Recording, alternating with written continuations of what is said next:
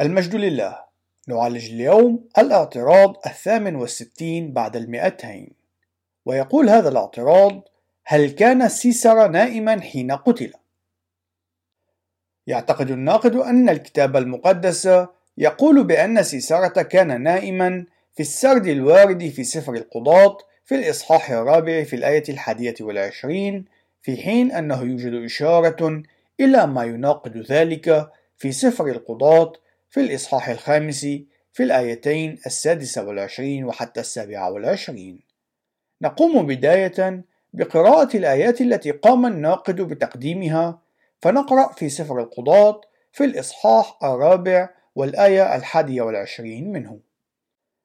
وما لبث أن غط في نوم ثقيل لشدة تعبه فأخذت ياعيل امرأة حابرة وتد الخيمة ومطرقة وتسللت إليه ودقت الوتد في صدغه فنفذ إلى الأرض ومات. ونقرأ في سفر القضاة في الإصحاح الخامس في الآيتين السادسة والعشرين والسابعة والعشرين. ثم تناولت وتد الخيمة بيد ومدت يمينها إلى المطرقة وضربت سيسرا فسحقت رأسه وشدغت صدغه وخرقته فانطرح عند قدميها. سقط وظل ملقا هناك انطرح عند قدميها وسقط وحيث انطرح سقط قتيلا. لقد فشل الناقد في القيام بقراءة أمينة ودقيقة للنصوص ضمن سياقها النصي والتاريخي. إن سيسرا كان نائما حين قتل. وهو ما يرد في سفر القضاة في الآية الحادية والعشرين من الإصحاح الرابع. ولا يوجد أي نص من نصوص الكتاب المقدس يناقض هذا السرد. إن ابتدأنا القراءة من الآية الأولى من الإصحاح الخامس من سفر القضاة فإننا سنجد الأنشودة التي كان قد أنشدها كل من دبورة وباراق حيث أنهما قد أنشدا حول مقتل سيسرا في الآيتين السادسة والعشرين والسابع والعشرين من الإصحاح عينه. على الرغم من الأسلوب الشعري الذي يرافق الأنشودة فإننا لا نجد في النص ما يشير إلى أي نوع من أنواع التناقض مع السرد السابق الذي يشير إلى أن سيسرا كان نائما. فلنقرأ السياق ابتداء من الآية الأولى. وأنشدت دبورة وباراق ابن أبي نوعم في ذلك اليوم قائلين باركوا رب لأن الرؤساء تولوا زمام القيادة في إسرائيل ولأن الشعب انتدبوا أنفسهم متطوعين. فاسمعوا أيها الملوك وأصغوا أيها الأمراء لأنني أنا أشدو لربي وأغني لإله إسرائيل. يا رب عندما خرجت من سعيرة وتقدمت من صحراء أدومة ارتعدت الأرض وسكبت السماء أمطارها وقطرت السحب ماء. تزلزلت الأرض أمام الرب وارتعد جبل سيناء هذا من حضرة الرب إله إسرائيل.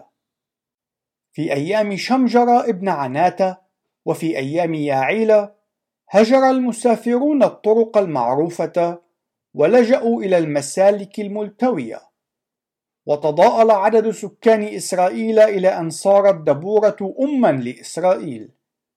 عندما اختاروا آلهة أخرى نشبت حرب عند بوابات المدينة ولم يشاهد ترس أو رمح مع أي من الأربعين ألفا من إسرائيل.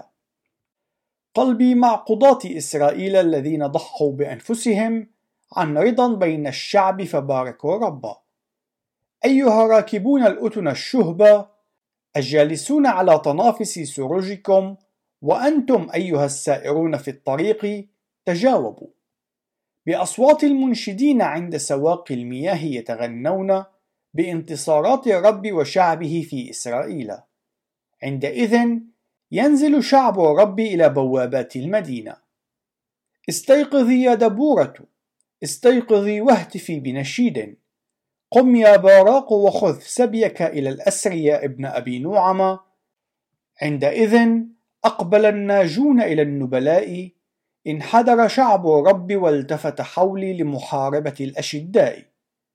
أقبل بعضهم من أرض أفرايم حيث أصولهم بين عماليق وفي أعقابهم جاء شعب بنيامين من ماكير تقدم قضاة ومن زبولون أقبل حاملو عصا القيادة. جاء رؤساء يساكر مع دبورة وأخلصوا لباراق. فاقتحموا الوادي في أعقابه. أما أبناء رأوبين فقد اعتراهم التخاذل والحيرة. لماذا تخلفتم في حظائركم؟ ألتسمعوا صفير الرعاة إلى القطعان؟ لشد ما تسام عشائر راؤوبين من عذاب الضمير. أقام جلعاد شرقي الأردن وأنت يا دان لماذا استوطنت عند السفن؟ وبقي أشير قابعا عند ساحل البحر وانطوى عند خلجانه. أما زبولون ونفتالي فقد عرضا حياتهما للموت عند روابي الحقل. احتشد ملوك وحاربوا حارب ملوك كنعان في تعنك بجوار مياه مجد ولكنهم لم يغنموا قطعة فضة واحدة. من السماء حاربت النجوم سيسرا من مساراتها وفاضت مياه نهر قيشون القديم وجرفت رجاله.